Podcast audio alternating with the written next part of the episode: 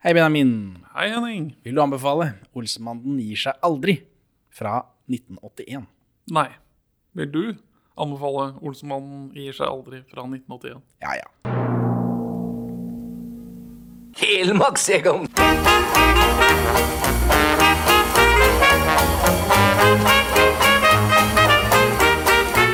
Perla for svin.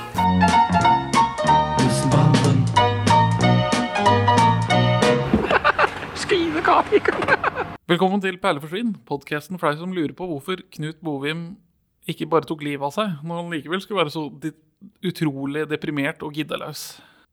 Ok, vi er to middelmådige menn i 30-åra som ser norske filmperler, og i dag så tror jeg vi er på Olsmann 11, ja. Så nå er vi liksom, vi er på innspurten her. Nå har vi et helt fotballag med Olsmann-filmer bak oss. Ja. Nå har vi jo sett en del av disse Olsmann-filmene, som du sier. Eh, Hva er tittelen på denne føles det ut som en trussel? Olsmann gir seg aldri. Ja, eller i hvert fall siden jeg opplever at kvaliteten er synkende.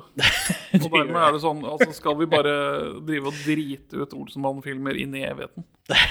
Er, er det det? Ja. Ja, det var jo planen en stund, men så Ja, da har de jo begynt igjen. ja, nå er jo trusselen står fortsatt. Ja. Eh, og vi spiller jo inn i en uh, unavnet utdanningsinstitusjon i Oslo, og nå er det flere folk i bygget her, så hvis, det skulle være, hvis man hører noe, så er det bare å beklage. Hvor mange var som så denne på kino, da, tror du? 350 000. Å, 418 000. Så den, de drar folk, altså, på kino. Ja. Og det resulterer i 5 700 650 044 kroner. det er Netto tap. ja, ifølge Knut Bovim. Og så har jeg fått en oppklarende mail fra lytter Øystein.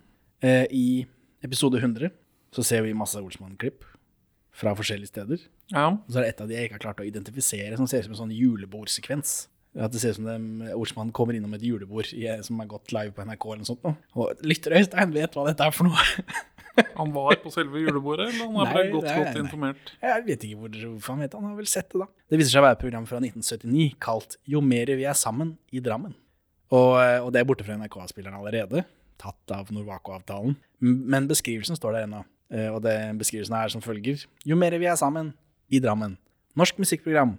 Show på Park i Drammen. Tre kjente ansikter underholder så vel gjestene i Park Hotels dansesal som fjernsynsstjerna hjemme. Øystein Sunde er et navn som borger for både verbale og musikalske krumspring. Her med brødrene Fredrik og Rolf Vibe. Ellen Nikolaisen for kvalitet. Og Bjørn Skifs for noe annet. Svenske som han er, og hjemmefødt i Dalarne. Med Terje Fjernsorkester, opplegg og regi Ola Nergård. Så det er det.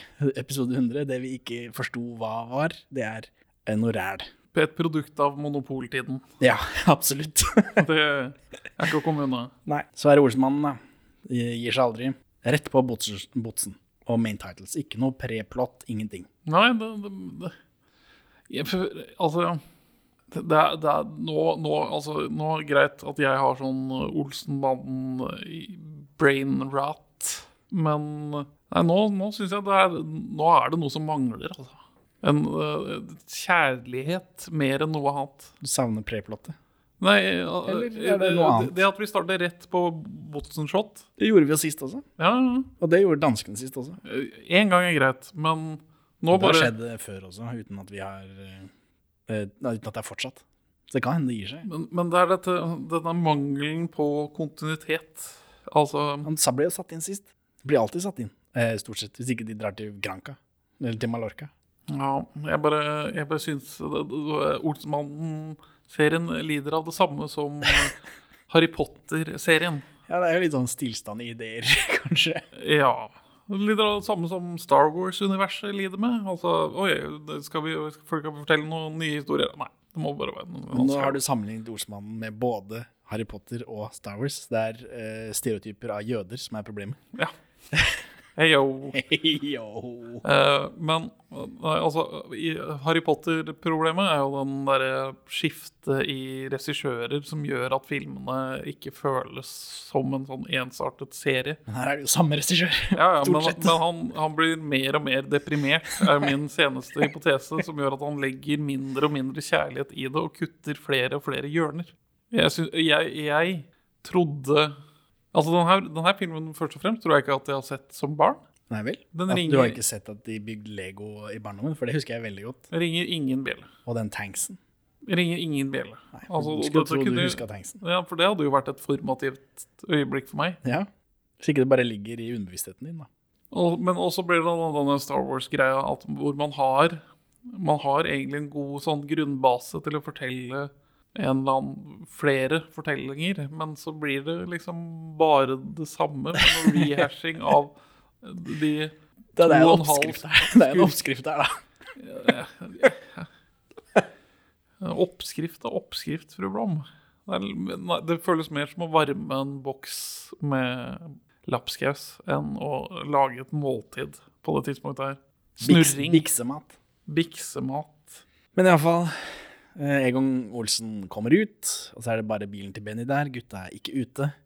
Og da hallusinerer Egon at de står der. For andre gang. Ja, for det har han gjort før. Benny sitter og sover i bilen, og Kjell slipper ikke fra Valborg av en eller annen grunn. Men vi blir ikke forklart det her. Nei. Eh, og Benny gir Egon en herpa sigar. For, én har Egon hatt et eller annet statusfall, eller hva? Eller det kanskje fordi det det er vel den gjengen som er stusslig nå. Ja, Altså all- Benny og Kjell som har vært på utsida, som er stusslige nå. Okay.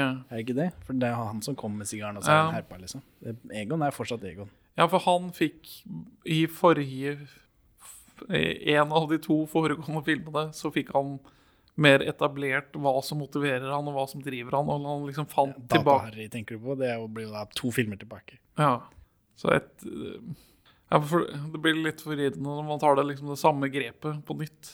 Ja, men jeg tror det at For det ser vi jo etterpå. Altså er det jo banden som har forandra seg denne gangen. eh, jo- Og et statusfall Kall det et statusfall, da. Men det er iallfall en endring i status. Ja, jeg, jeg, jeg, vet jeg, jeg vil jo si uh, Ja, har, Valborg og Kjell har klatra litt opp her i livet. ja i, for normale folk, jeg men hvis du er Olsenbanden, så er jo dette nedover. Ja, altså at de har blitt mer uh, småborgerlige. Ja, at de har liksom blitt streitere. Ja. Eh, Men Egon sier at han har sittet lenger inne enn noen gang før. Hva var han ble dømt for sist? Nei, jeg husker ikke hva han gikk inn for sist. Jeg, jeg orker ikke å tenke på det. Men, men dette er vel en referanse til at det har gått ett år siden sist. Altså to år siden sist. Siste film var i 1979, mens dette er i 1981. Ja. Men vi har hatt en så lang pause tidligere, har vi ikke det? Nei, det tror jeg ikke. Er ikke dette film 11, og så begynner de i 69? Jo, du, du sier noe der. Og de, de rekker å forfalle mer. Denne gangen. Ja, Nå er det tydeligere at de har blitt eldre og slappere. Ja, det er jo gått to år, da. Det er jo to år i 60-åra for å være Oppsal, tror jeg. Ja, Så ja de begynner å bli litt sånn slappe. blir jo men litt eksponentielt etter hvert. Ja, det er sånt som skjer, det, vet du. Kjell er vel på dialyse deler av filmen, tror jeg. At han ser litt sliten ut. Ja, og, Og ikke er med. Ja, Ja. ja eh, men eh, Så det tror jeg er en referanse til det. Kjell og Valborg har flytta. De bor ikke på Kampen lenger. Vi får se da hvor lenge dette varer. Om de skal bo i den høyblokka for alltid. For Ja. nå bor de i høyblokk. Hvorfor det? Jeg vet ikke. Nei. Enten så er det noe danskene gjør, eller så er det politisk snert. Ja, At dette var noe som skjedde. At de flytta folk ut fra gamle slumområder inn i høyblokker for at de skulle få et bedre liv. I mitt daglige virke som tilblivende historiker og akademiker, som altså Børge kan gifte seg med og få støtte av foreldrene sine eller noe? Nei. Var kjøpmannsdattera det var. Nå ja, Og Benny skal gifte seg med Elsa Lystad en gang. ja, Altså, OK, du drar helt tilbake dit. Det er et film nummer to, eller noe sånt. Elsa Lystad kan godt gifte seg med meg, siden Ja, jeg er for du er akademiker, for det ville far der. Ja, det stemmer det. Da, da skrev jeg, jeg har skrevet en historisk artikkel om eh, gentrifiseringen av Grünerløkka. Og på slutten av 70-tallet og starten av 80-tallet så er det snakk om å sanere deler av Rodeløkka, i hvert fall. Og det gjør man forskjellige steder i Oslo. At man basically pælmer ut alle som bor et sted, og så begynner man bydelen på nytt. Bare river alle de gamle trehusbebyggelsene og alle de boligene som fortsatt har utedass og ikke innlagt vann. Og liksom begynner fresh, da. Og, men jeg kjente ikke til at det man gjør med de gamle beboerne, er at man gir dem, stuer dem sammen i en blokk et eller annet sted. Det er ikke sikkert eh, det stemmer, men eh, hvor, de av, hvor har, gjorde de av dem, da, hvis de kasta dem ut? De må jo, jeg tipper de fikk noe Altså når staten eksproprierer eiendommen din, så får du jo spenn tilsvarende markedsverdi. Om ikke litt attåt. Vet ikke. Så det, det, det er rotet i Oslos hverdag på tidspunktet. Ja, vi får se da om danskene gjør det samme, for da kan hende det har noe med Danmark å gjøre. At dette var noe de gjorde. Det er sant. Og så må vi bytte jord på potteplantene, men det er vel best at jeg gjør, tenker jeg. For jeg, jeg har jo grønne fingre, jeg. Det sier søstera mi. Jeg lurer på åssen fingre hun har, altså, men nå skal hun ha en liten en igjen. Valborg eh, sier at søstera hennes sier at Valborg har grønne fingre. Og så lurer Valborg på åssen fingre hun har, for nå skal søstera hennes ha en liten en igjen. Hva er, hva er dette for en grisevits? Hæ? Sø Valborg sier søstera mi sier at jeg har grønne fingre. Jeg lurer på åssen fingre hun har, for nå skal hun ha en liten en igjen. Hun har pulefingre, liksom? Ikke, Rosa fingre. At kanskje hun ikke har fingre som fungerer, siden det er andre folk som må hjelpe til. Ja. Jeg vet, Den grisevisen henger ikke helt på greip, annet enn at man skjønner at det er noe snusk. Hvor gammel er Aud Schønemann i 1981? Ikke peiling. Hvor gammel? Var ikke hun Hvor- født i 23 eller noe sånt? Ja, det var noe sånt, ja. For når er det På 18 under krigen. Jo, ja. Så nå, er altså, hvor, hvor stort spenn er det mellom hun og søstera? Vi har aldri sett den søstera før, den- men nå dukker hun jo opp. What the fuck? Så det kan jo være altså det kan jo være stor forskjell på folk. Det er ikke sikkert eh, det er helsøster, det kan jo være far som er ute på i 20-åra Ja, det er eller veldig mulig, men, men, tenåra med Aud, også i 80-åra med, med søstera. men hun søstera har i hvert fall vært voksen siden 69. Hun har eksistert siden 69, ja. Ja, så hun må jo Det er mulig å man, Som kvinne så kan man holde moden alder over eh, 12 år. Ja. det går an. Det, bare, det bare føles litt rart at Ikke tenk noe på det. det er, de snakker i hvert fall ikke om søstera til Benny. Nei. Så det er jo noe. Nå har de skjerpa seg. For hun har slutta å Nå eksistere. er skriptpersonen skjerpa seg. Eh, Kjell blir veldig glad for å se Egon. da. Han er tydeligvis lei av, eh, av livet nå, for de driver og flytter, og Valborg er sjefete og fæl. Og Ja. Benny slår Valborg på rumpa. Hva er dette for noe? Ja, Forrige film så var det noe voldtekt. eh, Egon-voldtekt. Nå er det, er det sånn Driver banden egentlig og deler på Valborg? Er det sånn? Ja, Det er i den Når de er sånn byens løse fugler i Olsenbanen-prequelen, den vi så før vi starta Ja, ja, ja, ja. Olsenmann-prosjektet, Sus og dus på byen, ja. Sus og dus på byen, så er det jo litt hinting til at uh, Aud Schønmann går på rundgang og får seg en fuktig omgang. For å sitere fremmedrase. De går på rundgang og får seg en fuktig omgang. Men ja, de er jo kriminelle, da. Men jeg vet ikke, altså sånn key parties og konebytter og sånt. Det Det, trenger jo ikke være så organisert. Det kan bare være at de ligger litt med hverandre sånn her og der, og at eh, Kjell ikke har noe imot det. ja, for, Uten at vi får se det, da. Men, Men nå, men nå tar Benny slår opp på rumpa. Hvorfor det? Aldri gjort før. Nei, Hvor kommer dette fra? jeg vet ikke. Rart. Pussig. Det er vel danskene sin skyld. Men nei, har jo- de har ikke gjort det i Danmark heller. Nei, Jeg vet ikke. Det skjer, i hvert fall. Og så drikker Jutta øl, men Egon vil ha glass. Hva er dette for noe? vet ikke. For dette her er gjennomgående og eh, har ingen Det er ikke noen grunn til det. Det, nei, det betyr Det er ikke noen forløsning på det. Altså, Egon skal, har jo alltid vært litt sånn cocky og 'jeg er bedre enn alle andre'-type. Men det, at han nå skal tillegge seg denne fakten, det skjønner, jeg skjønner ikke. Nei For hvitsnipsforbrytelse, det har jo banden leflet litt med tidligere. Ja. For det skal liksom henspille på det, at nå driver vi ikke med kriminalitet, nå driver vi med Jeg har ikke hvitsnipskriminalitet. peiling. Jeg aner ikke hva det glassgreiene er for noe. Det, det, har ikke noe, det er ikke noe grunn til det i plottet. Det er ikke noe forløsning på det. Det er ikke en vits engang. Jo, de sitter og venter og er utålmodige fordi de har lyst til å drikke øl. Ja, men det er ikke vits. Det er ikke humor. Nei. Så jeg vet ikke. Jeg Vet ikke. Egon lurer på hvordan de har fått pengene til leiligheten. Kjell sier at, de har, at de har blitt omplassert, og hele strøket har blitt revet. Så det, dette har vi Sanering av eh, bygårder og områder i Oslo på 70- og 80-tallet. Ja, og Egon skal fortelle om planen sin, men så kommer Valborg med noen gardiner og noe dritt og ødelegger, for hun skal jo eh, dekorere denne leiligheten. Ja. Og Valborg har blitt så fin på det, i høyblokk, så der vil de ikke være med på brekk lenger. For det er liksom fint å bo i høyblokk. Er det det? Var det det? Da. Eller det er vel et steg opp fra den der slummen på Kampen. Så da de kanskje, hun føler seg kanskje finere. Er det, er det humor? Er det ikke så fint i høyblokk? Men Valborg er, eh, er dum. Er det, er det satire på blokkbygging i Oslo på 60-, 70-, 80-tallet? Jeg vet ikke. Det er i hvert fall blitt borte med tida, om det var et poeng. Ja. Så, eh, Egon blir kjempelykkelig.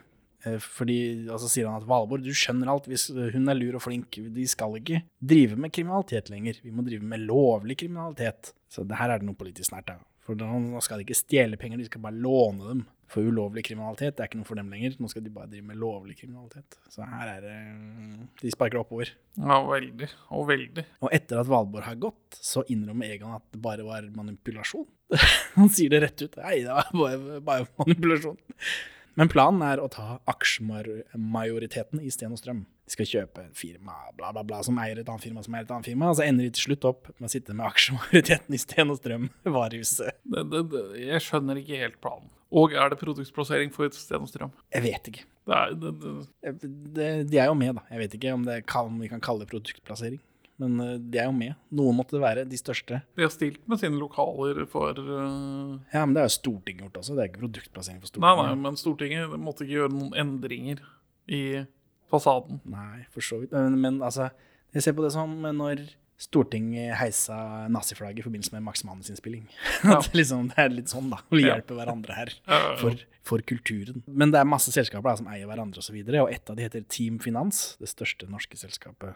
Team Film, Team Finans. Jeg, jeg skjønte det. Jeg fikk, jeg fikk det med meg. Så det er disse Team Finans de liksom skal ta rotta på deg, eller ta Eh, Team Finans har kontor sammen med Forbrukerombudsmannen, som er sterkt bevoktet pga. attentatsfaren.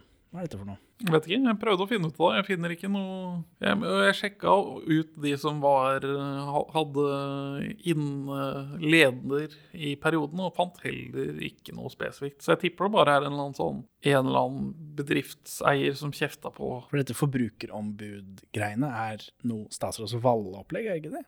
De har jo tidligere vært litt sånn kritisk mot henne, mener jeg du snakka om sist. Ja, at det var et eller annet. det var noen som kom med det greiene der, med oppbygning av samfunnet, at alle er gode venner, og vi skal Det Kardemommeby-greiene som disse filmene av Mystisk er veldig kritiske til. Ja, men det er jo latent eh, kvinnehat eh, i gode gamle dager. Det For eksempel. liksom Men, unna. men det kan hende har noe med det å gjøre? Spørsmålstegn. Kanskje. Men jeg, jeg, jeg, jeg har gravd i avisarkivet på tiden for å finne noe om de var nevnt i noen trusselsaker, men fant nada. Nei. De setter i gang i hvert fall. Benny bruker den av dingsen sin og betaler for parkering og telefonsamtale. For nå er liksom, vi er rett på brekket nå. Vi fikk jo ikke noe åpningsbrekk, så det får vi nå. Ja. Benny ringer og distraherer vakten til Team Finans, da, så Kjell kom forbi. Og så er det Kjell i en lang gang. Så åpner han døra, han henter heisen. Det er masse sånn logistikk bare for å få Egon inn. Kjell slipper inn Egon, Egon går i heisen, sånn rett inn. Og så gir han sigaren sin til Kjell. Og så er det eh, kontorer med noen sekretærer. Er det noen sekretærer du kjenner igjen? Eh, Karina? Ja, ja. Det var bare hun jeg kjente igjen. Ja. Annelise Tangstad. Hun er med og spiller sekretær hele veien, bortsett fra den uh, Olsmannen tar gull. Og så tar Kjell lyset i sikringsboksen, og da blir Egon borte på magisk vis oppe. Men han viser seg at han har gjemt seg i noen garderobe og noen greier. da. Og så er det en finansmann der, da. Noen du kjenner igjen? ja, husker ikke. Det er Rico. Er det Rico? Ja, Ja, han som du er så glad i fra Hotel Cæsar. Og eh, folk flest bor i Kina. Ja. Rico og Karina sammen igjen. Det, jeg lurer på om ikke dette er første gangen eh, siden sist. Siden Tar gull, at de er sammen på skjermen igjen. Jo, det vil, det vil jeg tro. Eh, Benny ringer og distraherer Rico, og da får Egon tatt nøkkelen da, til safen av Rico. Ja. Fordi han ringer og så må han gå inn. Han har satt fra seg kofferten. Dette er tima tilrettelagt til han skal opp til lunsj. Ja, da er det stoppeklokker og Så han eh, setter fra seg kofferten rett foran der hvor eh, Egon har gjemt seg, og så går han tilbake på kontoret for å ta denne telefonen, og da tar han liksom nøkkelen ut av kofferten. Egon altså. Og så når dette er ferdig, så ringer Benny og distraherer Karina, sånn som Egon får snike seg inn på kontoret. Eh, og så driver Egon og roter rundt i safen. Og her kommer det noe sånn Karina disse TV på lørdagskvelden. Å, Ja, fordi denne sjefen eh, kommer ut, eh, og så eh, har de noe sånn banter, da. Så sier hun eh, 'du som er like spennende som fjernsynet på lørdagskvelden'. ja. eh, Var det kjedelig NRK på lørdager i 1981? eh, ja. Det var vel liksom fjernsyns... Lørdagsbilaget har vi diskutert i episode 100, det var i 1985. Så, du skal ikke se bort fra at eh, det var litt kjedelig. Jo, det er vel, er vel til å tro. Det er vel eh, fjern, finsk fjernsynsteater til klokka ni, og så slår de av. Det kan hende. Eh, Kjell har denne sigaren, da. Så han, i kjelleren her så setter han i gang sprinkleranlegget. Og Egon har paraply, så han går jo da lykkelig og tørrskodd ut, mens alle disse sekretærene i dette eh, forværelset, det kontoret, er får full panikk. Er det ikke veldig mistenkelig at han går uten paraply? Jo, men det er jo full panikk, liksom. Hva skal de gjøre da? Skal de slå han ned og så anholde han til politiet kommer? Ja. ja. Nei, det gjør de iallfall ikke. Så Egon tar da med seg denne kofferten som han fant i safen, tar med seg byttet til aksjemegleren sin, Hallandsen. Er det noen du kjenner igjen? Uh, Ivar Nørå og hans penis. ja. Ja, for nå er Hallandsen uh, Før så har jo det vært Alf Malana hans kølle, mens nå er det Ivar Nørve og hans uh, penis fra Kosmetikkrevolusjonen. Ja. Ja. Episode 12 av podkasten, tror jeg. Det begynner å dra på med åra etter hvert, ja. Ja, det begynner å bli lenge siden. Noen For- tanker om denne utskiftningen? Hvorfor er navnet Hallandsen beholdt? For Hallandsen var jo en, en krimbaron. Han hadde et krimimperie Ja, under seg. det er noe med dette lukkede universet Olsmannen. Her er alle navn skal gå igjen, og alle skuespillere skal også gå på rotasjon. Det er liksom, Vi skal ikke slippe noen ut, vi skal ikke slippe noe inn. Nei. Det føles litt sånn, eller? Det- Det, er, liksom, det er veldig, det er lukka. Det er, du skal gå an og se en Olsmann-film, og så kjenner hun at dette er en Olsmann-film, for jeg kjenner igjen alt sammen, selv om jeg ikke har sett denne filmen før. Ja, er det det som er målet? Jeg vet ikke, men det er litt sånn. Det føles sånn. Ja, for hvorfor Hallandsen siviløkonom? Fi- fikk det liksom ikke til å passe. Nei, men det, Han har vært død i en, en film også, og så har de bare kommet tilbake. Er, det- er det sånn Olsenbanden foregår bare på ett tidspunkt? Altså sånn at alle filmene liksom foregår samtidig? For det, alt er bare et sånt stilbilde av Det er vanskelig å si. De, eh, noen ganger Nå har de jo telefon. Altså Sånn som Poirot som sitter fast i 1932, liksom. Det føles litt sånn noen ganger. Nei, det, er en slags, men de det er har- en slags lukka boble. Olsmann-univers.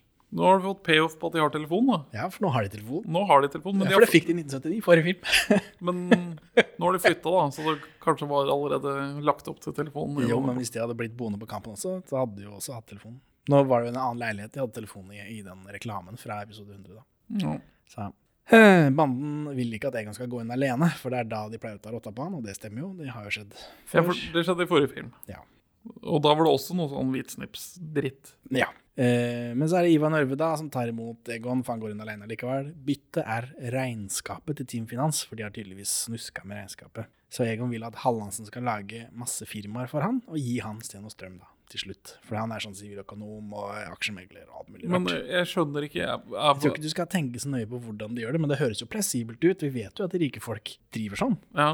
Det hadde, det hadde ikke forundra meg hvis jeg hadde, vært, eh, hadde hatt 100 000 millioner og folk som jobba for meg, så hadde vi fått til dette. Så kunne jeg fått Stenostrøm. Strøm. Men det er det han vil ha som betaling da, for dette regnskapet. Det er ikke, denne gangen så er det ikke 10 millioner eller hvor mye det pleier å være. Det er du må sette opp en masse sånn shell companies for meg, så vi til slutt ender opp med Stenostrøm. Strøm. Hvorfor han på Dødelig skal ha Stenostrøm, Strøm, det husker jeg ikke. Nei. Uh, Jo, det husker jeg. Fordi Team Finans skal bli tatt over av et sånt kjempefirma. EMCA. Et sånt multinasjonalt holdingselskap. Ja, det er noe Det er noe svak satire her på Ja. EF og EEC og Men dette er, det er det som er byttet, da. Om ikke det er plottet, så er det det som er byttet. Det, har, ja, for, det er McGuffing. Det har jo ikke noe å si. Nei, kan være hva som helst. men det, det bare det passer så dårlig inn i denne formelen. Prøver noe nytt, da. Ja, får det ikke til. Nei, men vi får se. Den har jo et par filmer til å, å, eh, å utvikle dette på. men nå er det Hermansen og Øyvind Blunk som spiller Holm. Nå har han en ganske rolig bart. Ellers har han hatt veldig eh, Overstadig bart. Ja, og skinnskjegg, og det har vært mye greier, da, men nå har han bare en helt vanlig bart. Så det er litt trist å se at han har gått tilbake på bartemoten. Ja, men nei, han har fulgt bartemoten. Det er når du kommer ut av 70-tallet, så roer jo bartene seg igjen. Jo, men at han ikke er sånn foregangsmann, da. Ja, for bartene er på sitt roligste under krigen. Da er de veldig små, Nette. Og så vokser de frem til 70-tallet, og så begynner de å trekke seg tilbake. Ja, det er sånn det er. Ja, men det, men jeg, det syns jeg var trist, for han hadde så veldig mye greier gående sist. Og det syns jeg var så gøy å se på. Men det er samme problemet her som i, det har vært i mange Olsenbanden-filmer nå, at det er lite bruk av Hermansen og Holm. Ja, for han sitter jo bare inne, stort sett. Siste bare, film så han var han litt ute og red på hest og ordna og styra, men um, ja, og, så, og så er det liksom vitsen er bare at politiet er dårlig. Og det er liksom ikke noe mer enn det. Det er Nei, jeg savner Mortensen Hermansen, som var liksom på jakt. ja, som var, han var, var litt sånn uh, Proaktiv. gærningpurk. Ja. Aggressiv. Ja. og teit. Og den teite versjonen fungerte ikke i den danske, men gjennom Hermansen sin tolkning så ble det til noe. ja Sverre Wilberg, altså. Ja. Ja, øh, ja. Fordi den, han var litt sånn klovnete, han i Danmark. Ja. Han spiller jo eh, mer realistisk, eller hva det var for noe. Eller var det Norge som spilte mer realistisk? Outrert. Danskene var mer outrerte, ifølge Arve Oppsal i episode 100 av denne podkasten. Veldig friskt å påstå. Eh, men her får vi da vite da i denne kontorscenen med Hermansen og Holm at kapitalistene bestemmer alt. Og det, de må ikke si noe til publikum, for de må fortsatt tro at det er politikerne og sånt noe som bestemmer. Så det er politisk sterkt, da. Men eh, vi har jo hørt det før, tror jeg, av Hermansen. Jeg er kanskje ikke med så, så bitende satire på kapitalismens vesen. Nei, men det, er sånn, det har jo vært tidligere at eh, folk som er liksom så store skurker, de kan ikke vi ta. Vi Ja. må bare beskytte dem, har han sagt tidligere. Men nå er det-. Men nå gjør han liksom spesifikk sånn demokrativits som er fortsatt relevant i USA i dag. Om at uh, politikerne må i det minste svare til velgerne. Og de store selskapene må ikke svare til noen. Og det, er sånn, ja, det, det holder seg. Ja. Spe spesielt givende filmstoff er det jo ikke, men Sitat uh, Benjamin Olsmann holder seg. Oi, farlig. Farlig. Hvis det er ekstra spenning du er ute etter, må du bare si fra. Du, som er like spennende som fjernsynet på lørdagskvelden. Men eh, Egon har jo da fått eierandelen i Sten og Strøm. Så når vi er hjemme hos eh, Valborg nå, så Så står det i er- avisa at Sten og Strøm legges ned. Ja. Så han ble lurt igjen. Yes. Og så er det Hallandsen og sjefen hans, Bang-Johansen, de står og konspirerer. Eh, og sjefen skal få underskrifter, altså Bang-Johansen skal få underskrifter på alle de snuskete papirene på Stortinget. Og så drar han rett til London. Det er i forbindelse med den der EMCA-oppkjøp og all den der dritten der sånn. Eh, og nå er vi på Frydenlund, da. Det er masse ølkasser. Ja. Ja, og alle trøkkene som kjører rundt der sånn Dette er lager, eh, dette lagermiljøet er noe du kjenner igjen, regner jeg med, fra din eh, akademivirksomhet. ja, det fra min tidligere virksomhet som lagermedarbeider, så jeg kjenner meg igjen i dette miljøet. Ja, alle trøkkene har Muppets navn. Det syns jeg var gøy. Ja, det er veldig ja, godt å få vite at Muppets eksisterer innad i Olsmann-universet. Ja. Og så er det mye uvåren trøkkjøring her. De skumper borti paller med gaflene. og Ja, det, det ser farlig ut. Det var enklere før, si. eh, ja, det har vært relativt mye strengere med all trykkføring på alle steder jeg har jobbet hvor det har vært trykkføring Ja, ja, fordi vi ser jo de liksom løfter opp, og skal de kjøre inn, og så ser jeg han tar pallen, altså han treffer pallen med gaffelen, en av disse klossene i bunnen. Det er ikke mange av dem du skal ødelegge før liksom det, den pallen går i stykker. De tåler ikke så veldig mye, selv om de tåler en del. Så her går det, på det lageret her sånn, går det jævlig mye pils i gulvet, det er jeg helt sikker på. Ja. Og det ser ut som de bare er stabla på pallen, men det er noen greier i midten der, ser jeg. De er festa på en måte, hvis ikke så hadde det vært helt utrolig farlig. Og så har de sånt radiosamband hvor de identifiserer seg via disse Ja, for istedenfor sånn uh, nummer på trucken, så har de Muppets på trucken. Det er så morsomt. Er Sjarmerende. Kaller Kermit. mitt. Sentralen kaller Kermit. mitt. Ja, Kermit svarer. Kermit mitt leverer tre pollepils ved rampe seks. Frydenlund, ja. Det er masse ølkasser. De er blå. Banden setter ut en rød Tuborg-kasse sammen med alle de blå Frydenlund-kassene, og da rykker alle trøkkene ut. Vi har funnet en kasse med dansk øl. Ja. Møt oss ved pipa. ja, det, det, jeg vet ikke Mm, Jeg vet ikke hva det var, men det var gøy. Ja, det, Det er rart, men det er gøy. man, ja, man, får, man lurer liksom på hvordan, hvordan det fungerer å jobbe på ølfabrikk. Og sånn, hvis du kommer over øl fra en annen produsent, så betyr det at den kan vi møtes ved pipa og drikke i fellesskap. Ja, Så det er alle disse trøkkene rykker da ut til bak den pipa, og da, eh, mens de, går, de som jobber der, driver og, samler seg rundt denne ølkassa som står midt i en pall, så tar Benny en trøkk. Kan jeg, kan jeg skyte til litt poeng? Altså, Jeg snakker om at filmen ikke har så mye kjærlighet. At det føles, at det føles gjort veldig sånn venstrehåndsarbeid. At man bare lager filmen bare for å lage filmen. Og så har man ikke lyst til å gjøre noe med Olsenbanden eller, eller filmen i det hele tatt. Men jeg satt også spesielt og tenkte Jeg prøvde å se denne her med barnet mitt, og hun bare Nei, det her, dette var kjedelig, fatter'n. Så tenkte jeg bare Ja, for dette dette her er ikke noe barnefilm, dette er tørt og kjipt og bare masse preik i begynnelsen. Det er det jeg savner på mangelen på sånn forbryteranslag. Men nå, altså denne trøkksekvensen, det er jo en frieri til barn og menn. ja, for barn er veldig glad i øl. Glad i maskiner. Ja. Store maskiner. Men Benny tar iallfall en trøkk, og Egon setter seg på en pall og blir kjørt bort. Det er veldig ikke lov å Det- løfte eh, folk uten kurv, og stort sett så er ikke det lov heller. Vanligvis må man ha en personløfter, altså en lift. Det er ikke lov å sitte på en gaffeltrøkk og bare kjøre rundt. Du har sittet og sett på sånn sikkerhets-VHS på jobben. Nei, du, sånn kurs må du ta en gang i året. Såpass, ja. Ja, sånn HMS-kurs. Har du aldri jobba ordentlig, du, eller? Nei. Nei. Ser så mye hender jeg har, Henning. Eh, og Kjell kommer etter med øl på hest og kjerre. Ja, for han stjeler en hest og kjerre-ølvogn i det herrens år 1981. ja. Og så har Bang-Johansen vært på Stortinget og fått signaturene sine. Og nå er vi For nå, de skal jo ta denne bilen De, de gjør det. Ta bilen til Bang-Johansen og løfte den opp med trucken. Men før det så vil ikke Benny vil ikke låne bort den der dingsen sin til Egon. Ja, for, det- ja, for dette, for dette er det som markerer meg som karakter. Uten denne, hvem er jeg da? Ja, er Hele personligheten min er knyttet opp til denne dingsen. det er jo det, det han sier. Men, men, Ikke med de ordene, men ja, men det er jo det han sier. Men her, det er jo jeg som bruker den. ja. Det er bare jeg som bruker den. Ja. Men det, han, bruker, han bruker ikke dingsen i alle filmer. Nei, nei, Nei. nei. Men i det siste så har han gjort det. For da, nå er dette etablert som en greie som vi bruker hele tiden. Men han får den til slutt, da. Og så eh, denne hestevogna går midt i veien, ikke sant. Eh, Med Kjell der sånn foran bilen til Bang-Johansen. Benny kommer da og løfter denne bilen opp. Og så eh, står Egon på taket til en bank eller noe sånt nå. Ja, på en sånn uh, entré, sånn tak over en inngangsdør. Ja. Og så tar han liksom kofferten ut av bagasjerommet da, med denne dingsen.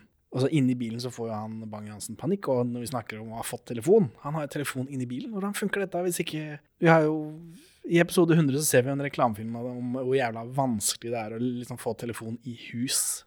Hvorfor har han telefon i bilen? Ja, det begynte vel å komme på starten av 80-tallet. Ja, men Drar de en svær ledning etter seg, da? En sånn kveil? Ja, det, det er riktig. Nei, det, er, det det går vel via eh, GSM, da. Jeg vet ikke. Det var fancy, i hvert fall. Mm. Så det er tydelig at han er veldig rik. Bang-Hansen ringer fra bilen eh, til Hallandsen, eh, og Hallandsen får da beskjed om at Egon må, må bli borte for godt. Og hver gang noen får beskjed om det, så er det rett klipp til Biffen. Ja. Oh yeah! Som nesten sprenger lærlingen sin i lufta. Og dette her er danske greier. Dette, dette er minuspoeng til Norge. er det, ja, her er ikke poeng nå. Jeg vet. Det ser farlig ut, da. Det, det er vel Ja, det, han, for han, han har satt opp eh, lærlingen Nå er Biffen er sprengningsbase i denne filmen, av en eller annen grunn. ja, Og vi er på et sandtak i Danmark. Ja, ja. Altså, hadde dette vært i Norge, så hadde dette vært Harry. Som skal drepe Egon av en eller annen grunn. Jeg vet ikke, jeg. Men eh, om ikke han har vært assistenten, hvem vet. Det er i hvert fall ikke det. Hva skjer? Sandtak i Danmark. Lærling monterer eksplosiver i et hull. Ja. Ja, og jeg, det, det som først slår meg, er, det, er dette det forrige oppdraget til Biffen om hvem han skal drepe? Han har en sånn katt og mus-lek med, med lærlingen. til å legge eksplosiver i bakken, og så løpe mens det sprenger bak dem. Hæ? ja nei, Hva, hvorfor gjør han dette? for, eh, I film nummer to så har vel Harry også en læregutt, Ja, som er spilt av Ulf Wengård. ja, Jeg tror ikke det er noe, det er ikke noe grunn til annet enn at det ser farlig ut. ja. Dette er jo noe å se på. ja det, dette, dette er film. Dette er cinema. Ja, for denne lærlingen han løp beiner rundt omkring på den der sandmatta, mens eksplosjonene går av på ham. Ja, og uh, Biffen er veldig alfa, fordi han liksom han, han står ikke med den uh, tenneren. Han står ikke og dytter den ned med hendene som vanlig. Han har liksom planta militærstøvelen sin på toppen, og så driver han og tråkker ned for hver gang han prøver å knerte assistenten sin. Eller prøver han liksom å trene opp assistenten til å bli en skikkelig sprengningsbas som ikke er redd for eksplosjoner? Jeg tror det, Som lærling så er det ofte noen sånne ritualer man må, gå, må, må gjennom. Ja, det er- Kanskje det har noe med det å gjøre. Det er hazing. Han driver og hazer den lille Kan sin. han tenker at dette her har jeg gjort, så nå må du gjøre det også. Men, og denne læregutten er ikke, han er ikke i 20-årene. Dette er en fyr langt opp i 30-åra. Ja. Så, Men, men han overlever da i hvert fall. I forrige film så var jo ikke Biffen med i Biffen-rollen. Eller altså, i forrige film så var det jo Lasse Kolstad som spilte den rollen som Ove Werner Hansen spiller. Jeg har en teori om at Biffen bare er med når de kan bruke noe direkte fra den danske filmen. For Det er jo grunnen til at han er med første gangen. Eller altså, eh, Den med Egon i bøtte, ja. der er det jo Torgils Mo som er Biffen. Biffen er ikke med. ja. For det var ikke påtenkt at de bare skulle ta en fyr fra Danmark. Mens i neste film så eh, har de jo klippet inn alt dette Biffen-greiene fra eh, i Spania for å spare penger. ja. Så han er med der. Neste gang Biffen er med, er vel sammen med Henke Kolstad, Mester Hansen og det greiene der sånn. Og de scenene hvor Biffen sitter baki bilen og holder en bomba i hånda, det er tatt direkte fra Danmark. Penger spart. Ja.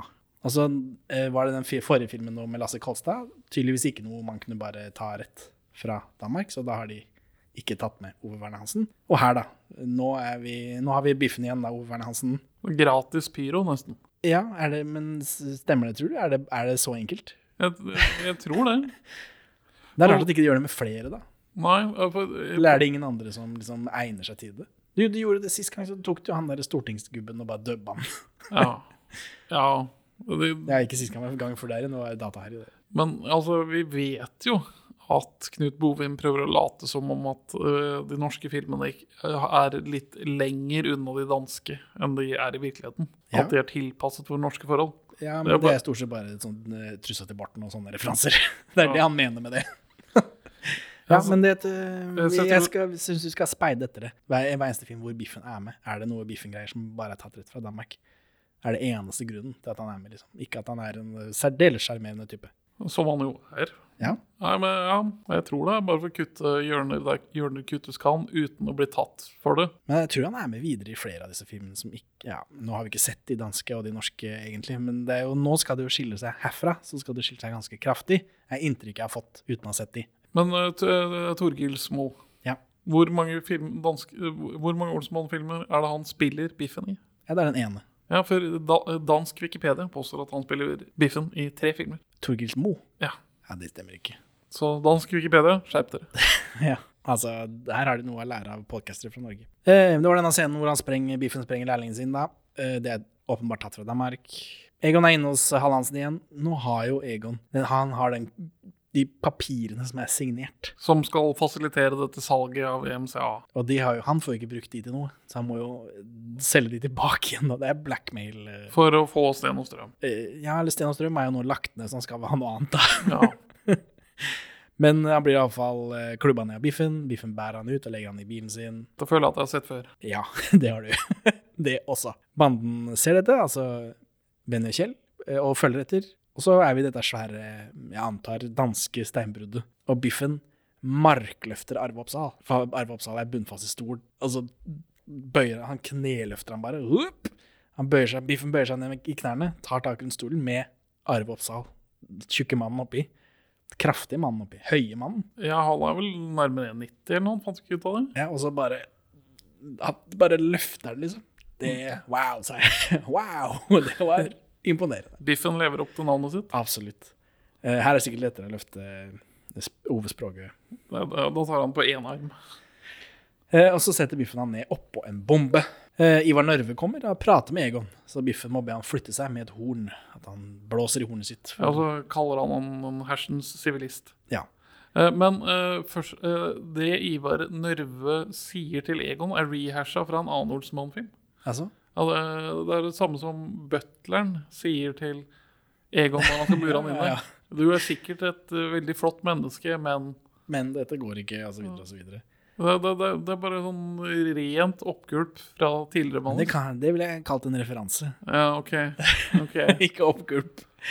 Så, men mens Biffen eh, driver og ordner med dette hornet og liksom er irritert over at Ivar Nørve er i veien, så sniker Benny seg inn og kobler om disse ledningene. Så, for Biffen står også på en haug med dynamitt. Kjempelurt. Veldig eh, høy, høy HMS. Ja. Så han eh, kobler jo da om. Så eh, han, når Biffen tråkker på den, den tenneren, så vil han sprenge seg selv, ikke Egon. Så, og det, det gjør han, da. Så Biffen tråkker på knappen, og så tråkker på tenneren, og så sprenger han seg sjæl i lufta. Og her får vi se rumpa til eh, Ove Verne Hansen. Hvor er pastor Møll når du trenger han? Hvor er antirumpepastoren Pastor Møll når man trenger han? Eh, men nå er banen er tatt rotta på igjen, da. Så nå skjønner jeg at nå må de til London, for det er der han Bang-Johansen er, eller har tatt med seg de papirene. For nå har de jo tapt de papirene igjen. Eh, ja Det er hevn, dette, er det ikke det? Jo. Første gangen så er det en lur idé, og så blir de tatt rotta på. Etter det så er det hevn. Ja, nå gjelder det bare å fucke opp for dem. ja, mest. Så og for å, å ordne seg Billettene får man på Saga feriekonto. Og det må Kjell gjøre i drag. Ja, for det er uh, Aud Schønemann sin konto. Og dette er andre gang vi ser Kjell i drag. Ja. For det skjer i film nummer to, der hvor de er masse sånn østtyskere. For han er bare den lille uskyldige piken som skal re av senga eller noe sånt. da. ja veldig rare greier. Ja. Men her, eh, nok en gang, da. Karsten Byring i drag. Eh, og han eh, reisebyråfyren jeg spilte, er Ulf Wingård. Han var vel reisebyråfyr i en annen film her også. Ja, i denne introsekvensen hvor Egon går til reisebyrået for å sjekke når de har kommet hjem fra Ja, Spania. ja så han samme rollen der og der. Det er jo bra.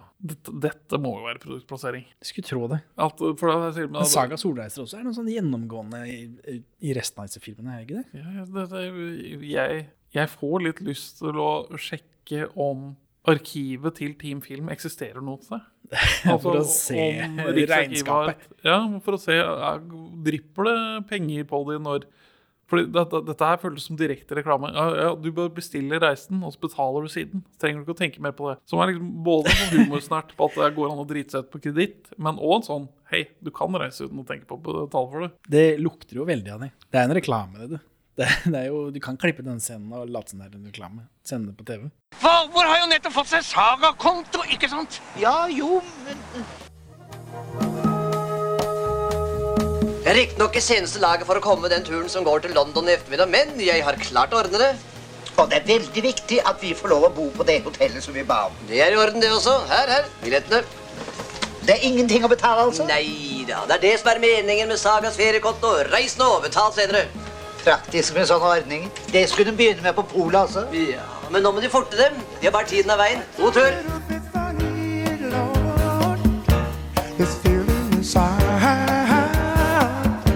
Kjell Pass er for gammelt, så han må bli i Norge. Morsomt. Det er Gøy med så veldig, veldig gammelt bilde av Av Karsten Byring, ja. Karsten Byring spilte teater for Riksteatret på turné, og han kunne ikke være med til London da. er det, å ja, derfor. Det er ikke dialyse pga. fremskreden alkoholisme. Nei, ikke ennå. Men han dør vel av kreft, tror jeg, så den alkoholismen lever han vel godt med. Ja, du kan jo, Å være alkoholiker kan jo fremme risikoen din for å utvikle kreft. da. Jeg tror jeg ikke. Bennys dings løser ut metalldetektoren. Får mer, det er mer dings, eh, dings i monitor her. Ja, jeg liker Dings worldbuilding. Jeg gjør det. At, ja. Ja, og når flyet går, så står Kjell og gråter. Det er jo veldig trist, da. Og med sånn trist musikk. Dette her husker jeg, altså, Når jeg så det nå, så fikk jeg sånn gjenklang fra da jeg var barn og syntes dette var trist. ja, at, at han ble liksom ekskludert og følte seg utenfor. Nei, altså gråtende Karsten Byring bare. Jeg tror det var samme for meg hvorfor han gråt. Mm. At han står der og er trist med trist musikk. Og det du dro i dine hjertestrenger. Ja, altså Blir ikke du lei deg når du ser Karsten Byring har det vondt? Nei. Å nei. Jeg sliter med å føle med ja, ja. denne filmserien lenger. Ja, ja. Nå er vi i London. Saga Solreiser, guidet tur med banden i sånn der toetasjers buss. Veldig rart. Banden er på Hotell Metropol, eh, og der ser de Bang-Johansen dra. Eh, så de får praia en taxi til å følge etter hans. Det slipper, da slipper Knut Bovim og gjengen å dra inn på Hotell Metropol og betale for det, for de kan bare filme på utsiden. Det er lurt. Kjempelurt. Eh, og på engelsk så er helmaks. Holmax, Egan. Ja. Det er morsomt.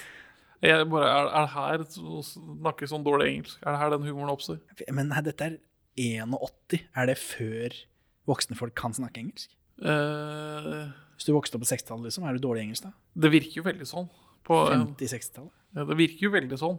Altså på de som var Ja, For når kommer engelsk inn i barneskolepensumet, liksom? Vet ikke. Men er dette liksom, er det gjenkjennelighet det går på? For gøy er det ikke. Holmax Egon, det er ikke gøy. Ah, det kommer noe mer. Han har en plane etterpå.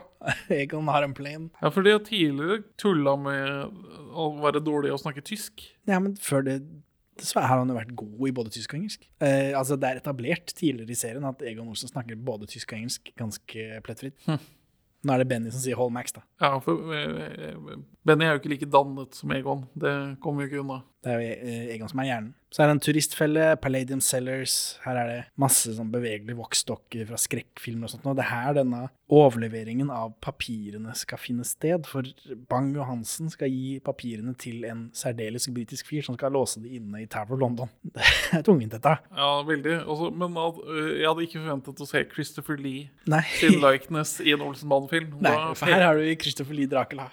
Bare det, Så kort vei det ble fra Ringens herre til Olsenmannen, plutselig. Ja, og, det- og Charlie Chaplin er her, med Keystone Cops. De er referert til tidligere i denne filmserien. Eh, John Wayne er der, Fade Dunaway, Uh, Bogart, Liv Van Cleef. Masse voksfigurer. Det hadde vært eh, kulere om det var de ekte personene. Det, det hadde du jo. Eh, og Ben og Egon stiller seg opp som voksfigurer i, en sånn gang, i et gangstertablå hvor de faktisk passer inn med dress. Sånn dress som de går i. Ja, det, Så jeg vet ikke, er, dette, er, det, er det en referanse til at de ser rare ut? jeg tror det. Denne britiske fyren overtar kofferten i science fiction-avdelinga der sånn. Han skal plassere den på et veldig sikkert sted, og det er jo Tower of London. Eh, når vi kommer ut fra Palladium, forresten, så er det en referanse til øh, Pop Rock, er det det den serien heter? Til øh, Til Erlend Steinjo. Erlend det noe særlig hos Pop og Rock? Ja, vi har en episode om to, to av de episodene, før vi visste hva vi drev med i podkasten her. Ja. Eh, da, Det er i hvert fall en pizzarestaurant der som heter Pizzaland. Oi, er det Jenny Skavlan som jobber der? Ja.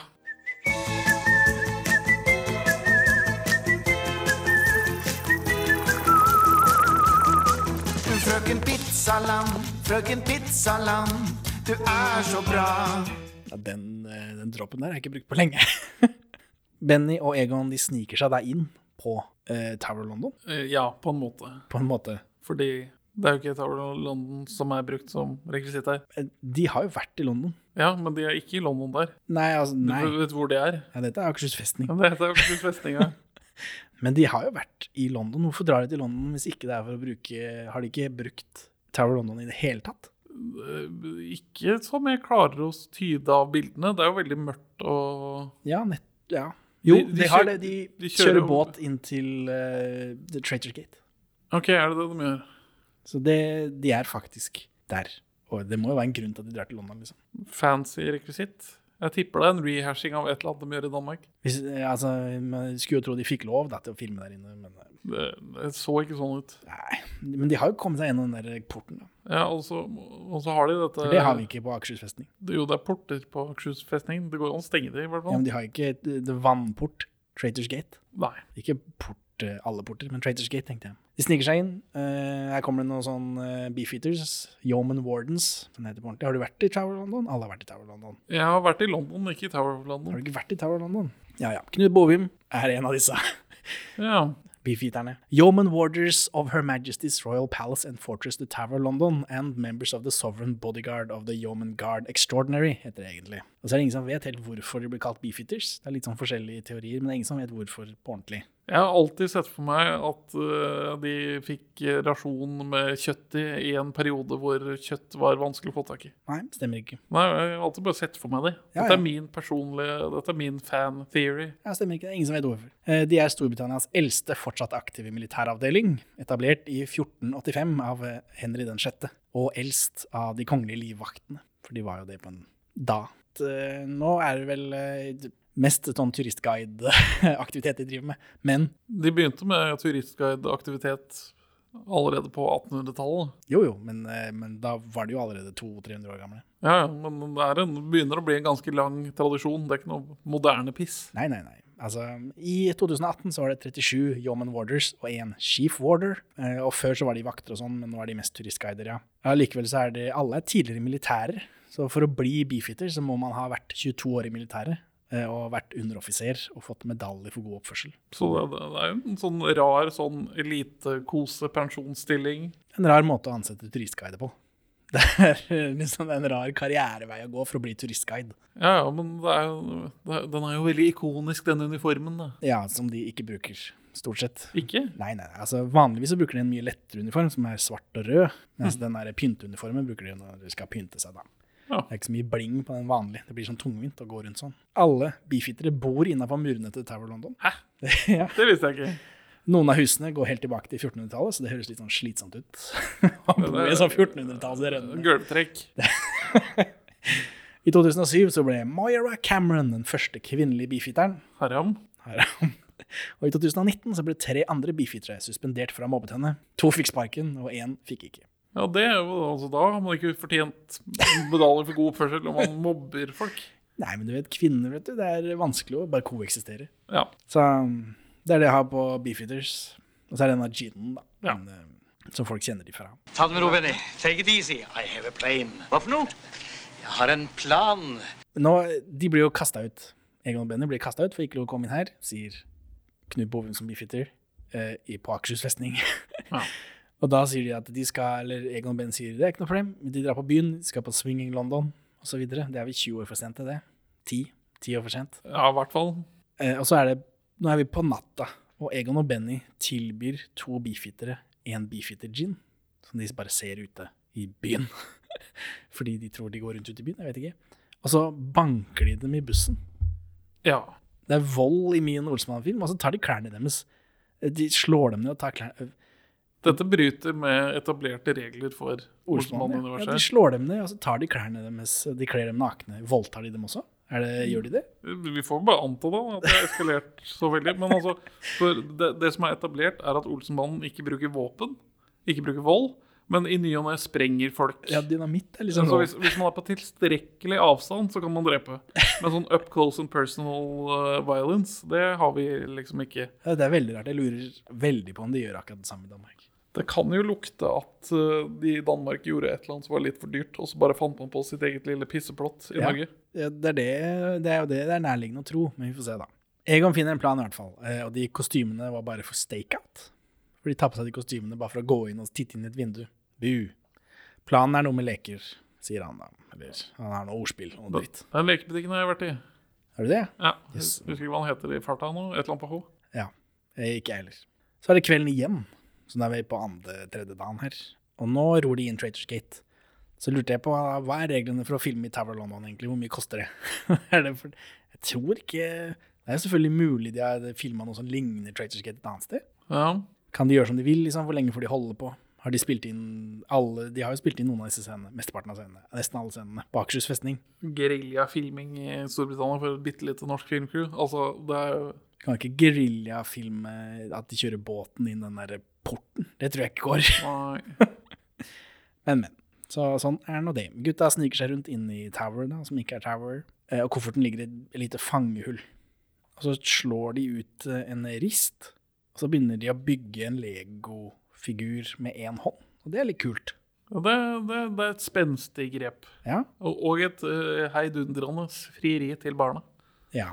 Og det, eh, er le, le, legoteknikk, ikke sånn bare bygge figur-lego. For da kan du ha sånn motor og kontroller og bygge liksom, Det er tannhjul, og du kan bygge figurer som gjør ting. Ja, ja, ja. Og det gjør dem så det suser av her. Og så er det noen bifittere som patruljerer, tar røykepause. Og så har banden lagd en sånn elektrisk legomaskin som kan kjøre opp trapper.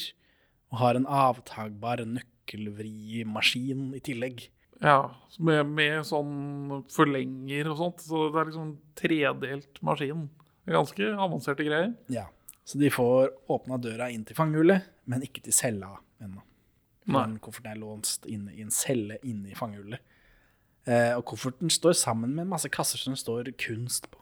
Art, kunst. Er det Franse, det- dette gulltyveri, togtyveriet deres? Ja, det, på sporet så er det også masse kasser med Art-kunst. Ja. Bare Som, ble, som vi fikk forklart i den danske, men som ikke vi fikk forklart i den norske. Så jeg lurer på, er det har noe med det å gjøre? Men det finner vi ikke ut av før til neste uke. Eh, altså, Han beefiteren prøver å komme inn, da, men han kommer jo ikke inn. Er, hvorfor er dette med? Det bygger jo ikke spenningen i det hele tatt. Det er ikke spennende i det hele tatt. Eh, Egon skyter pil og bue, en sånn lekepil og bue selvfølgelig, og sender inn en krok med en ballong på. Og så får de huka kofferten, håndtaket, med den ballongen, og så blåser de ballongen med helium, tydeligvis. da. På avstand, for ballongen har liksom et sånt plastrør inni seg. Og Ja. Eh, og så flyr den leken og lett ut eh, av cella. Det må være noe annet enn helium oppi den ballongen. For det, det er veldig men- jæklig løftekraft. Jævlig svær ballong, da. Den var ikke større stor nok. Ikke stor nok. Det, er ganske tomt. Det er vel mer helium inni kofferten. Er Kofferten er under trykk, liksom. ja, det kan hende. Eh, så drar de den inn med, med snora, da. Eh, Så nå har de liksom fått tak i kofferten. Og så er Hermansen på telefon med statsråden. Og statsråden vil at han skal ta en razzia på Bang-Johansens kontor, og presten må være med. For nå skal de liksom ta dem, da. Og her kommer det noen shots av klokka til rådhuset i Oslo. Hvorfor det? Dette er jo rester fra, fra forrige danske film. Nei, hvem vet. Det er rart at rådhusklokka skulle dukke opp her etter at vi akkurat har sett den i Danmark. Helmax Egon. Eller som engelskmannen sier, Holmax Egon. Egon går inn til Hallandsen med kofferten akkurat idet hele Oslos politikorps kommer på razzia. Gøy? Det er morsomt, det. Dårlig timing. Ja, det, Ja, de, ikke, de er uheldige kriminelle, disse. Og så er det masse politi, da, og da blir Benny nervøs. Og så er det Hermansen som leder denne eh, razziaen, og Egon gjemmer seg på do. Et sted man sjekker når man gjør razzia. Sikkert. Spørsmålstegn. Skulle tro det. Hermansen finner kofferten, da, og så drar han med den. Eh, og så snakker han dritt om, om pressen. Så er det noen nå Her er Gjelder ACAB også for Hermansen? Altså, Er All Cops Are Bastards er det, Gjelder det også for Hermansen? ja, han er jo veldig tydelig på at Cops Are bastards. Han er bare bevisst på det. Så han, jeg tror, jeg tror til og med Hermansen er enig i Cap. Han, jeg tror han slik For det gjelder alle. Det er All Cops Are Bastards. Ja, og jeg tror, men Hermansen er en av de få som er eh, virkelig kjent med at det er det som er deres rolle. Å være bastards. Ja. ja, ja. Benny ser Hermansen går av gårde med kofferten, og da stikker Benny. Eh, og så er vi i leiligheten til Kjell. Og Kjell er furt der for at de ikke fikk være med på tur. Eh, så de har bare dratt rett til, Herman, eh, til Hallandsen. De har ikke hilsa på Kjell engang. Og så driver Kjell og, griner, for han og Valborg må på sosialen. Og han, han sier opp, han gir seg i dette bandegreiene. Så kommer Egon, for han har klart seg gjennom denne razziaen. Han har ingen plan nå, for de må stjele politiet sin. Ja. Hvorfor det? For det er de som har kofferten, da. For nå drar Egon sender Benny og Kjell til politiet, for han sier at eh, de kjenner Egon for godt. Eh, Men de kjenner jo Kjell og Benny ja! godt òg. I forrige film så driver de og mobber ham på hest, og så eh, Kjell eh, åpner ølen sin på sporen hans, og det er liksom De kjenner jo hverandre, alle disse folka. Ikke tenk på det. Nei, faen, altså. Eh, Hermansen sier at kofferten står i hvelvet på politihuset, og nå kommer Benny og Kjell, og de poserer som journalist og fotograf. Og da med en gang Hermansen skal få litt oppmerksomhet, så er han positiv til journalister. Ja, da er det fint, ikke sant? Og her får vi vite at eh, Hermansen heter Carl Leopold i for, navn. fornavn. Det stemmer jo ikke. Nei, for i Åsmann for full musikk så blir han uh, identifisert som Viggo. Viggo Hermansen. Carl Leopold Hermansen. Han har bytta navn. Det er jo ikke umulig. U- uvanlig, men Uvanlig å bytte fra Viggo til Carl Leopold, men uh, hvem vet? Så Benny driver og smigrer Hermansen, men lyset er så dårlig inne, så de må ta bildet liksom nede. Og eh, altså Carl, Carl sier. Kjell, som er eh, fotografen, må liksom ta bildene nede. Så mens Hermansen driver og blir fotografert, så tar, eh, tar Benny planen til Hermansen. For de har han på pulten, han har fått tre kopier, heldigvis. For han trenger bare to, så Benny tar den ene. Det var Der la de pipe for å få den ene, som om noen noensinne hadde tenkt over det plottullet. Så, men uh, og så løper Benny ut. Uh, Hermansen er god på å posere. Det er tydelig at, eh, at Sverre Wiberg kan det. ja, han er jo en dramatype, da, er han ikke det? Altså, en skikkelig modell. Benny løper ut, og da løper Kjell også. Ingen som reagerer på det. Ja, helt naturlig, det. Helt naturlig. Og så er vi i leiligheten. Nå planlegger mannen. Valborg er borte, og telefonen ringer, for de har telefon her. Og det er Valborg som ringer, fordi søstera hennes føder, så Kjell må ned på klinikken. Så han kan ikke være med på dette siste, siste brekket. Nei, for han skal jo bli gudfar. Ja, eller onkel.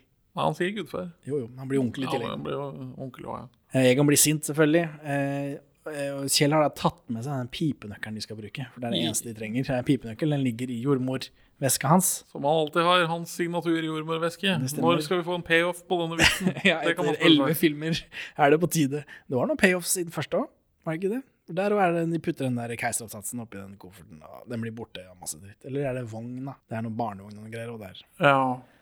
Whatever. For nå, eh, den eh, pipenøkkelen her, eh, Kjell har tatt med seg den, ja, så de må forte seg da til ja, Egon og Benny må fortsette til fødeavdelingen, hvor Kjell er.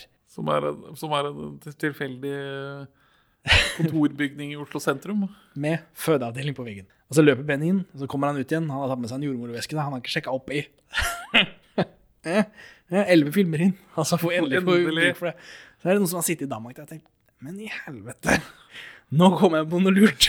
Vi har glemt å gjøre noe med helt åpenbare vitsen. ja. Eh, Og Egon trenger en tank, så da ble du glad, vel? Ja, da ble jeg glad. Logikken hans er litt sånn sånn som så. ja, men det er det ofte. For det som er så fint med en tanks, er at man ser offisiell ut, og så kan man ikke se hvem som er inni. Ja. For planen hviler på at hvis du kommer kjørende til dette avsperrede området Hvorfor er det avsperret? Fordi det er veldig mange folk høy på strå som skal ha et hemmelig og liksom shady møte der. Så tanken er at man skal komme seg gjennom politisperringene ved å bare møte opp i en tanks. Så da vil man jo anta at det er et eller annet sikkerhetstiltak. Ja, ja. Eh, ja. Men her får vi en oppvisning av tanks, da. Ja.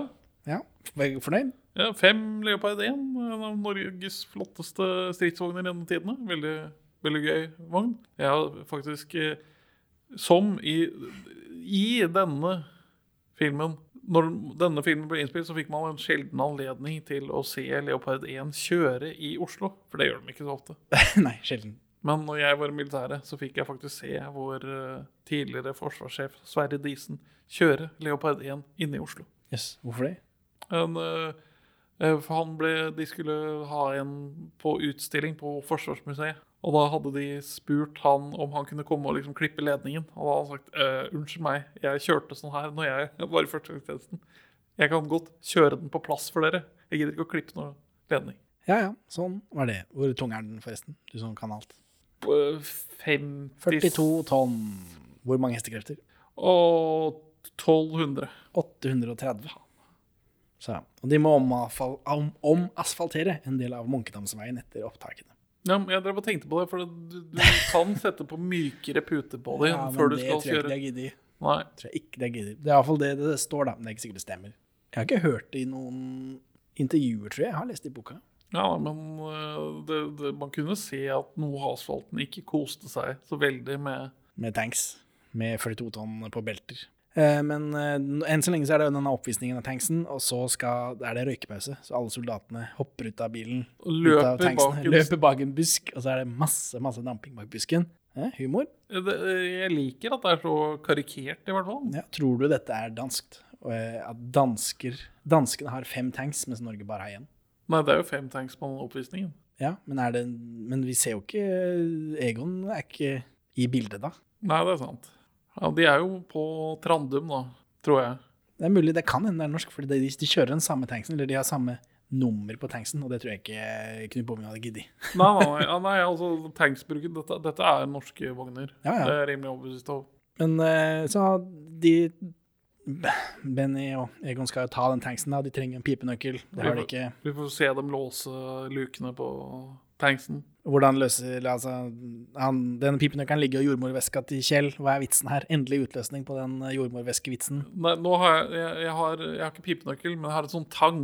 Sånn tang som man bruker å trekke ut eh, babyer etter hodet hvis de setter seg fast. Ja, for Egon blir jo sint da, for at Benny ikke har tatt med seg riktig ved jordmorvæske. Og da han, prøver han å få opp tanksen med denne tangen. Ja, han får det til òg. Denne fittetangen.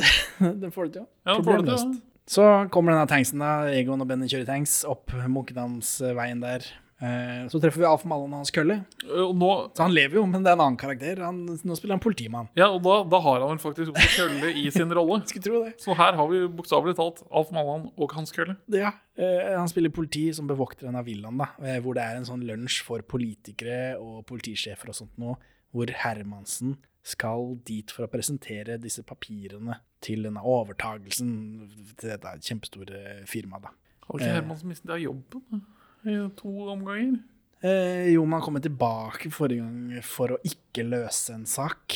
Ja, og da ble han bare verdens Så fikk han mange millioner i kofferten og dro til Canada, og så er han tilbake nå uten forklaring. Ja, ok, ja. så ikke tenk på det. Og så kommer denne tanksen ned gata.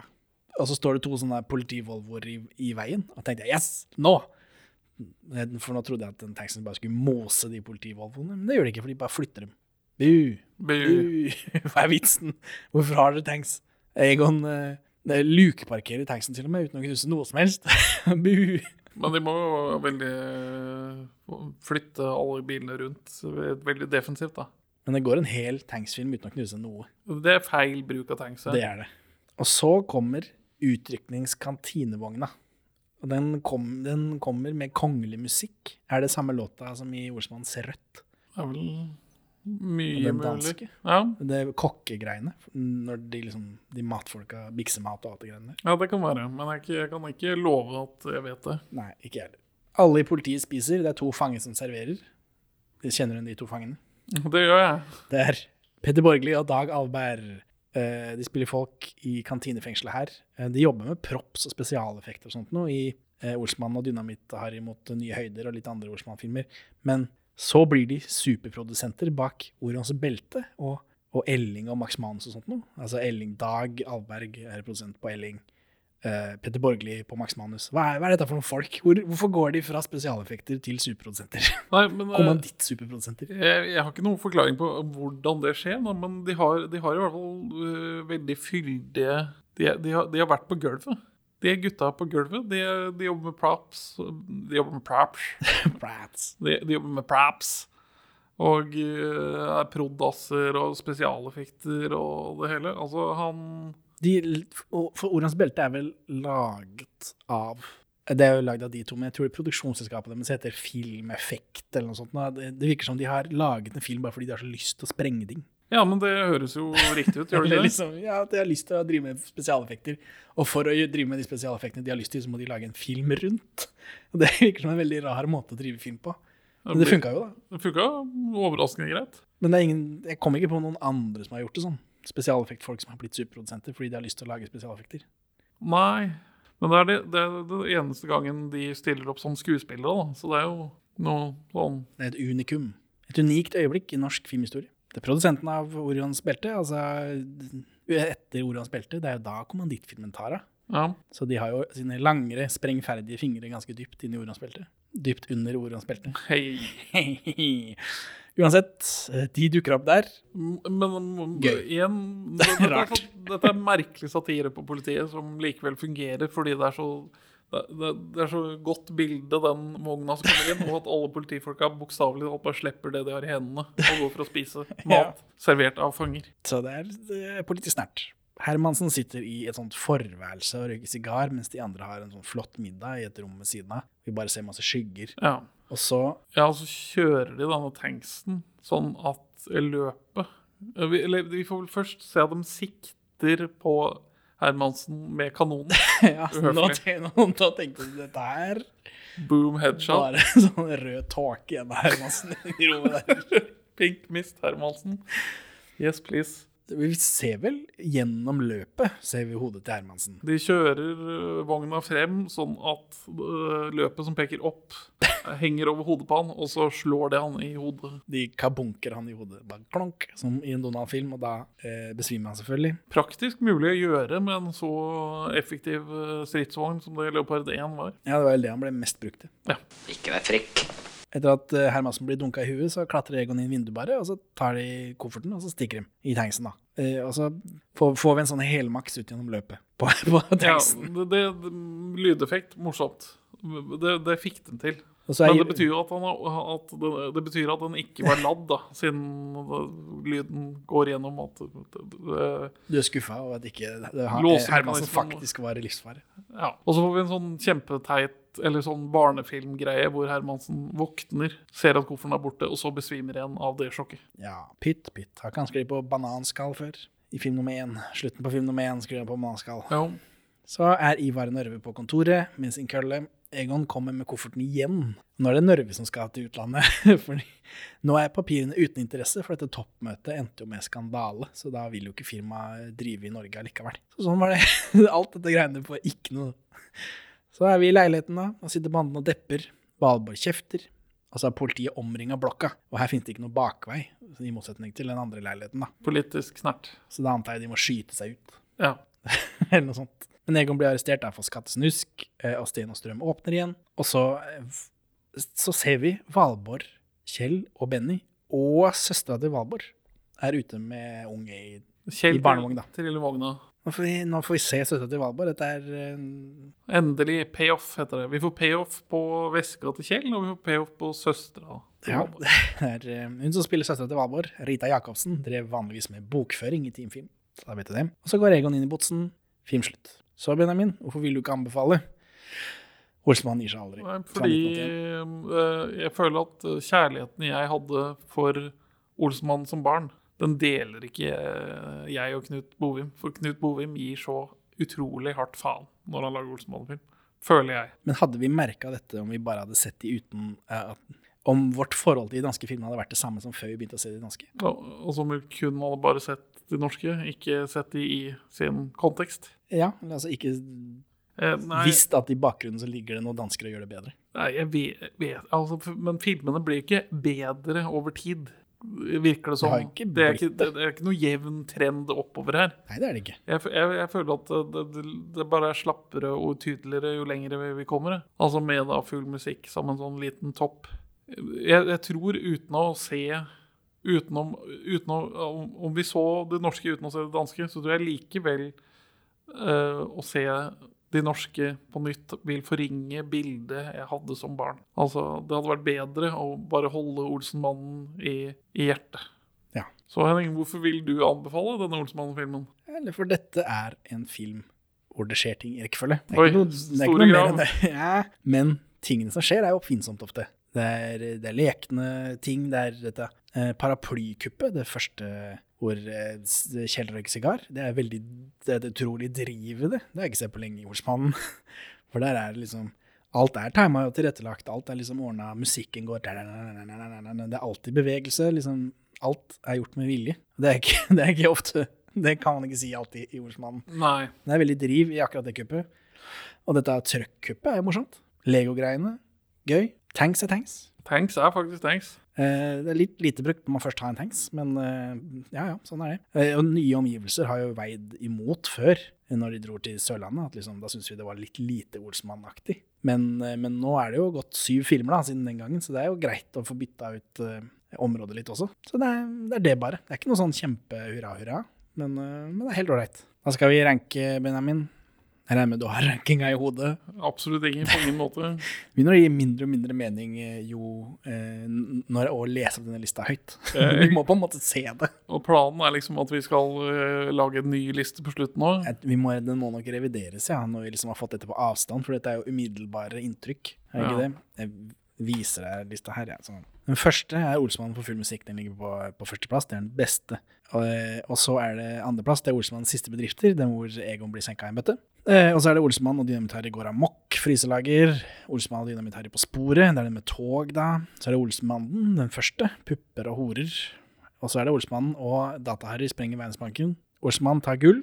Sørlandet og bunkers og greier.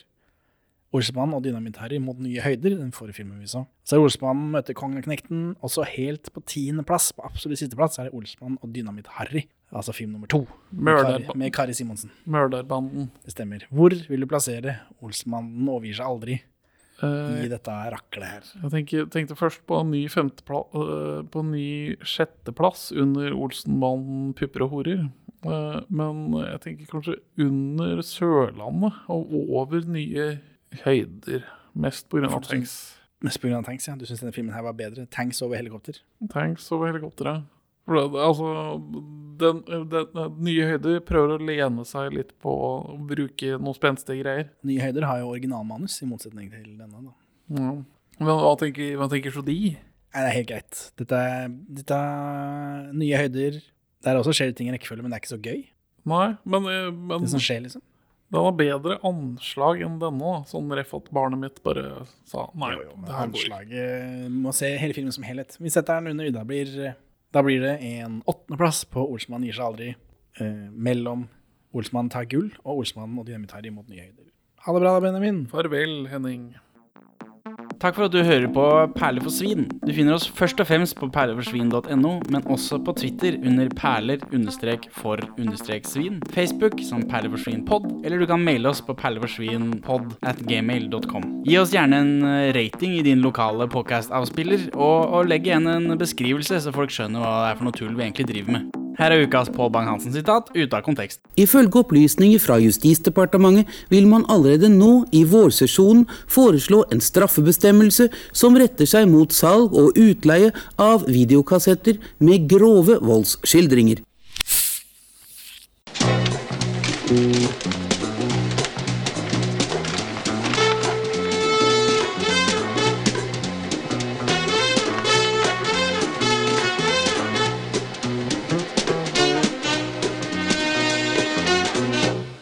James Bond har telefon i bilen før telefon i bilen finnes. Og så kommer det liksom et par år etterpå. Eh, I Thunderbolt så får James Bond en sånn GPS-greie Ja. som han kan ha på seg, så folk ser hvor han er hen. Eh, Og det gjør han vel i Skyfall også, men den er større. så, så teknologien har blitt verre på de åra. Ikke bra.